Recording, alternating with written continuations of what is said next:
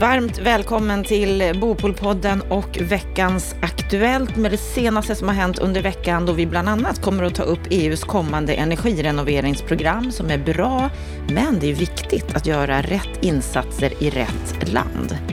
Och förslaget om ett ökat rotavdrag, det är en bra konjunkturåtgärd menar vår expertkommentator. Han tycker att regeringen borde införa det i budgeten redan i år och regeringen. De borde också samla bygg och bostadsbranschen. De behöver få en fördjupad krisinsikt. Ja, det här är några av de saker som vi pratar om med Kent Persson i veckans Aktuellt.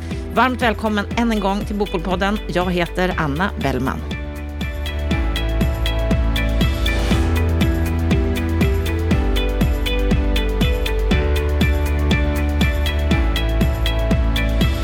Vi börjar veckans Aktuellt med Europadagen som har uppmärksammats en del i veckan. En stor fråga för fastighetssektorn är EUs kommande energirenoveringsprogram, EPBD.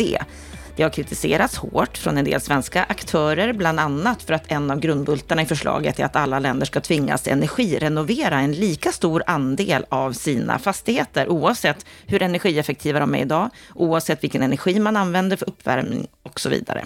Nu har regeringen gett Boverket i uppdrag att utreda energiklassningssystemet för att skapa likvärdiga villkor mellan Sverige och övriga EU-länder. Energi och näringsminister Ebba Busch, hon säger så här, renovering och energieffektivisering behöver ske på ett kostnadseffektivt sätt så att boende inte drabbas av orimliga kostnadsökningar. Kent Persson, hur ser du på det här? Eh, om man tittar på den långsiktiga ambitionen från EU så tror jag merparten av det är rätt. Det vill säga, vi måste i ett europeiskt perspektiv fortsätta ställa om våra fastigheter och bli ännu mer energismarta och miljövänligare. Annars kommer vi inte klara klimatmålen. Så i den delen är det rätt. Det som är lite besvärligt och fel med de här besluten nu, det är ju ett par stycken saker. Det ena är att eh, tidstempot är för högt. Eh, det här kommer kräva oerhört mycket kapital för att ställa om. Eh, och det kommer påverka hyres, hyresnivåerna eh, för hyresgäster. När det går för fort, då kommer det här att slå igenom på kostnader på hyresrättssidan. Och hur mycket kan vi tala om då, när det gäller kostnadsökningar? Nej, det kan inte jag bedöma idag, mer än att det är enorma belopp som måste in. Eh, och, och det andra med det, det är att när du vrider upp tempot så mycket och det ska prioriteras, då kommer det trycka ut andra, att det blir undanträngningseffekter. Så tar du i Sverige till exempel, då kommer det inte finnas arbetskraft över för att kunna sköta nyproduktionen och det kommer leda till att nyproduktionen kommer att skena i kostnader på byggsidan ännu mer än vad idag. Så att det finns en påtaglig risk att det här kommer faktiskt, eh, redan idag har vi ju nästan knäckt hela nyproduktionen. Skulle det här implementeras fort, då kommer man definitivt knäcka nyproduktionen av bostäder i Sverige eh, för under hela den här perioden när renoveringen ska gå till. Det finns inte så mycket arbetskraft. Det finns inte så mycket kapital. Eh, och den tredje problemet i detta, det är ju att eh, man zoomar inte ut och eh, gör insatserna i Europa där de behövs mest. Svenska fastigheter jämfört med en del fastigheter i andra länder har kommit väldigt långt i klimatomställning. Så att om du tittar på ett europeiskt perspektiv, då borde resurserna eh, och insatserna eh, prioriteras i de länderna som ligger långt efter. Vi finns ju tio länder. Tittar vi på, på hur vårt bestånd ser ut så är det såklart att i de nordiska länderna har vi kommit längst med energiomställning. Medan i till exempel östländerna, Tjeckien, Polen, eh, även i viss mån i Tyskland skulle jag säga, så ligger man en bit efter. Eh, och det innebär ju för våran del, vi skulle ju mycket hellre allokera de pengarna vi avsatt för att göra klimatinvesteringar i de länderna för att det skulle få störst effekt för hela Europa. Ja, så ett lugnare takt här i, i Sverige, det är det du önskar? Ja, faktiskt. Lugnare takt och differentiera insatserna över Europa så att man börjar där behoven är störst och effekterna blir störst. Då kommer vi sen kunna trimma in den övriga marknaden. I, i Sverige så, så jobbar vi och trimmar de här klimat och miljöåtgärderna hela tiden. Och det har ju också att göra med att eh, ska du vara en bra förvaltare och få ekonomin att gå runt, då behöver du, då behöver du minska energikostnaderna. Eh, du måste jobba med smart med hela, hela det och då blir de här klimatåtgärderna. Men i en lugnare takt. Vi skulle vilja prioritera Eh, länderna där det är störst behov först och det skulle göra störst nytta faktiskt för Europa samlat. Vi ska fortsätta med Europa och EU. På Europadagen så skrev två liberala kommunpolitiker en hyllningstext till EU i Västerbottens-Kuriren med rubriken Fler och billigare bostäder med mer EU. Det är HP Karlsson i Storuman och Nicke Gran i Dorotea som skriver om bostadsbristen, där de svenska byggkostnaderna är en bromskloss. De skriver att byggkostnaderna enligt Eurostat ligger 66 procent över det svenska snittet. Och så här bland annat skriver de. Den öppna marknaden i EU saknar konkurrens. Konkurrens sätter press på priser, på effektivitet, på kreativitet och tvingar också kvaliteten att hålla en hög nivå. Mer samarbete inom EU med fria marknader. Fri rörlighet för kapital, människor, tjänster och varor skulle göra det billigare att bygga lägenheter. Fler skulle bli byggda, hyrorna skulle kunna hållas lägre. Kent, hur ser du på EU och betydelsen när det gäller konkurrens för svensk byggmarknad?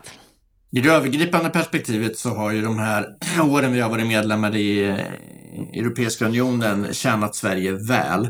Alltså det har ökat konkurrensen på en hel rad områden och också eh, dämpat kostnader och till och med sänkt kostnader inom flera sektorer. När det gäller byggsektorn så är den lite svårare och det har ju också att göra med att eh, byggkostnader ser olika ut i olika länder också beroende på vilka krav man ställer. Eh, och det, I Sverige har vi höga krav, hög standard och det driver såklart upp totalkostnaden på projekten. Det får man komma ihåg. Det är också så att vi generellt i Sverige jämfört med en del andra länder har eh, en, en, bättre lönestruktur helt enkelt. Högre löner. Eh, vi har också generellt jämfört med en del länder högre skatt, skattetryck. Vilket också gör då att kostnaderna sammantaget blir högre. Det vi däremot har ett problem med det är ju materialkostnader eh, som i Sverige då jämfört med en del andra länder är högre på vissa saker. Och det där får man väl fundera på varför det har blivit så och försöka utreda. Men det, där är, det är ganska svårt att, att hantera den här konkurrensen på det här området. För att vi vill ha kvalitet, vi vill ha en hög trygghet för de som arbetar och därmed kostar det lite grann. Och, och vi behöver ha en annan standard på våra bostäder i norra Europa än i Mellaneuropa och södra Europa. Så mer EU, det är inte det som behövs? Möjligtvis en ökad konkurrens. Ehm, men sen är det rätt mycket kopplat till våra egna, egna regelverk. Det skulle behövas lite regelförenklingar, absolut. Det skulle också minska kostnader. Så det finns rätt mycket att göra på hemmaplan. Jag tror inte eh, vi kan räkna med att ta hjälp av EU och få ner byggkostnaderna på bostäder i Sverige. Utan i huvudsak är detta en resa vi måste göra själva i Sverige och titta på vad är det som gör att kostnaderna stiger och vad kan vi göra åt det. Det är nog mer en inrikesfråga än en europeisk fråga. Och då kan vi gå vidare till nästa område som vi har här i veckans Aktuellt. Ett förslag ifrån byggföretagen, Beijer Byggmaterial, Villaägarna och Byggmaterialhandlarna som propagerar i ett gemensamt debattinlägg för ett utökat rotavdrag som en stödåtgärd i dessa kristider. De skriver bland annat så här. En utredning från Handelns utredningsinstitut som byggmaterialhandlarna beställt visar att ett återställt rotavdrag till 50 procent och ett höjt tak till 100 000 kronor skulle kunna skapa 7 500 arbetstillfällen inom bygg och installationssektorn. Ett ökat rotavdrag bidrar inte bara till att rädda jobben i byggbranschen, utan även till att fler får möjlighet att energirenovera sina hus. 60 procent av Sveriges småhus är äldre än 50 år och det innebär att det behövs omfattande energirenoveringar för att minska exempelvis uppvärmning och energiåtgång. Och för att ha råd med den investering som krävs är rotavdraget många gånger avgörande. Hur ser du Kent på det här förslaget? Jag tycker att det är ett bra förslag. Eh, det är en konjunkturåtgärd som man kan använda som regering för att ändå hjälpa och stötta branschen i att liksom hålla uppe sysselsättningen. Så att jag tycker att det här är bra. Jag tycker att det i första hand ska också ses som en konjunkturåtgärd för att försöka hjälpa byggbranschen som har det jättetufft nu och kommer få det ännu tuffare. Eh, sen blir det en, en, bra bieffekt av det. Det är att de som äger sina fastigheter själv kan göra investeringar och kanske bli eh, lite klimatsmartare och så. Det är jättebra, men jag tror faktiskt att man ska adressera frågan för vad det är. Det är en konjunkturåtgärd för att hjälpa till att stötta byggbranschen i ett mycket tufft läge. Och det kommer behövas. Vår förra finansminister Anders Borg, han var ju ute och föreslog det här för ett par månader sedan. Vad tror du att den nuvarande regeringen tycker om ett sånt här förslag? Skulle de gå med på det? Jag tror att de fortfarande sitter i dilemmat att utrymmet ekonomiskt eh, är ganska begränsat och hela den inflationen pressar dem ganska hårt i vad de kan göra och inte kan göra och inte vill riskera att, att eh, skjuta mer energi in i inflationen. Eh, Annars så tror jag att de inser att de kommer behöva göra en rad olika konjunktursåtgärder för att eh, upprätthålla sysselsättningen på byggsidan och då kan detta vara ett, ett smart sätt och det har funkat förut. Vi vet att det ganska snabbt får en effekt. Så att de här antalet jobben som, som de här har räknat på, den stämmer säkert ganska så bra eh, är min gissning. Så att det, det skulle vara ett välkommet tillskott för byggsektorn att kunna upprätthålla eh, eh, arbe arbetena helt enkelt och sysselsättningen. Så att eh, Anders Borg har rätt i det här. Och eh, jag hoppas att regeringen lyssnar på honom och lyssnar på alla andra som nu argumenterar klokt för att ett förstärkt rotavdrag eh, skulle behövas och det vore bra att införa det i budgeten 2023 så vi får genomslag för det för, inför 2024. Mm, vi får se om de gör det. Vi ska fortsätta inom politiken. Sverigedemokraternas bostadspolitiska talesperson Mikael Eskilandersson, han skrev i veckan ett debattinlägg på vår sajt bostadspolitik.se med rubriken Stora brister i styrning av satsningar i utsatta områden. Han trycker på att det har genomförts många så kallade integrationssatsningar som sen inte har följts upp. Man vet inte hur mycket skattepengar de har kostat eller vad de har lett till, menar Eskil Andersson. Han exemplifierar med Vivalla, Örebro och en rapport ifrån riksdagens utredningstjänst. Och han skriver så här. Uppgift om vilka pengar som satsas anges endast för tre av de 30 satsningar som tas upp i rapporten. Utvärdering anges endast för ett fåtal satsningar. Flera av satsningarna är gigantiska och omfattar stora personalresurser utan att uppgifter om resultat eller kostnader framgår. Behoven av styrning är en ekonomisk fråga för kommuner och invånare, även en demokratifråga. Insyn och transparens är viktigt. Det är även en rättvisefråga. Hur mycket får ett enda bostadsområde kosta skattebetalarna utan att reella förbättringar på totalen kan ses? Ja, vad säger du om Eskil Anderssons beskrivning när det gäller det här området? Till delar har han säkert rätt i sin kritik att det finns en hel del projekt som inte upp, eh, följs upp tillräckligt no noga. Eh, sen ska jag säga det att det är ju lite mer komplext än så. När vi pratar om förebyggande åtgärder och insatser i utanförskapsområden där det är stor social oro, det kanske är hög arbetslöshet, eh, så är det såklart att de här insatserna är dels förebyggande eh, för att på kort sikt eh, undvika att människor hamnar i ännu djupare utanförskap eller sociala problem. Eh, men framför allt så görs ju många av de här projekten med ett långsiktigt perspektiv. Och att mäta och utvärdera eh, långsiktighet i de här olika typerna av förebyggande projekt, det är jättesvårt. För att eh, förmodligen så är det så att resultaten kommer kanske inte förrän i nästa generation. Det vill säga att man går in med insatser för att stötta familjer, försöka få igång mamma och pappa in i arbete. Men den största effekten kanske faktiskt kommer på barnen som får växa upp i ett hem där de ser att det finns ett tro från samhället på deras bostadsområde. Deras familjer får hjälp och det blir i sig ett stöd för att de här barnen ska se en lite ljusare framtid också kanske lägga ner lite extra kraft och energi i sina studier för att klara dem och kunna komma upp i arbete. Och då kanske vi pratar om att effekten kommer om 10, 15, 20 år. Det är jättesvårt att mäta. Och det håller jag med om, det är ett problem för offentlig sektor att förebyggande insatser generellt är jättesvårt att mäta och dessutom är det ofta så att förebyggande insatser som kanske finansieras utav kommunen, de som drar de största nyttan av de här insatserna, det är inte säkert att det är den kommunen. Det är kanske är en annan kommun som gör från flyttar och får jobb någon annanstans. Så det, det är jättesvårt att mäta. Den här typen av projekt eh, såklart behöver vara skarpa, följas upp och se till att det blir nytta. Men generellt skulle jag säga så här. vi behöver göra fler insatser i de här utanförskapsområdena, inte färre. Vi behöver förmodligen lägga mer resurser för att hjälpa ekonomiskt och socialt utsatta människor för att få dem från utanförskap och in i samhällsgemenskapen. Det är en gemensam uppgift som vi gemensamt ska finansiera. Det är jätteviktigt. Så att jag tror att de kommande åren, med tanke på de problemen vi ser, då kommer vi behöva eh, förstärka med ännu mer insatser och resurser för att försöka bidra till att skapa stabilitet och framtidstro eh, hos de här människorna som idag har det väldigt tufft.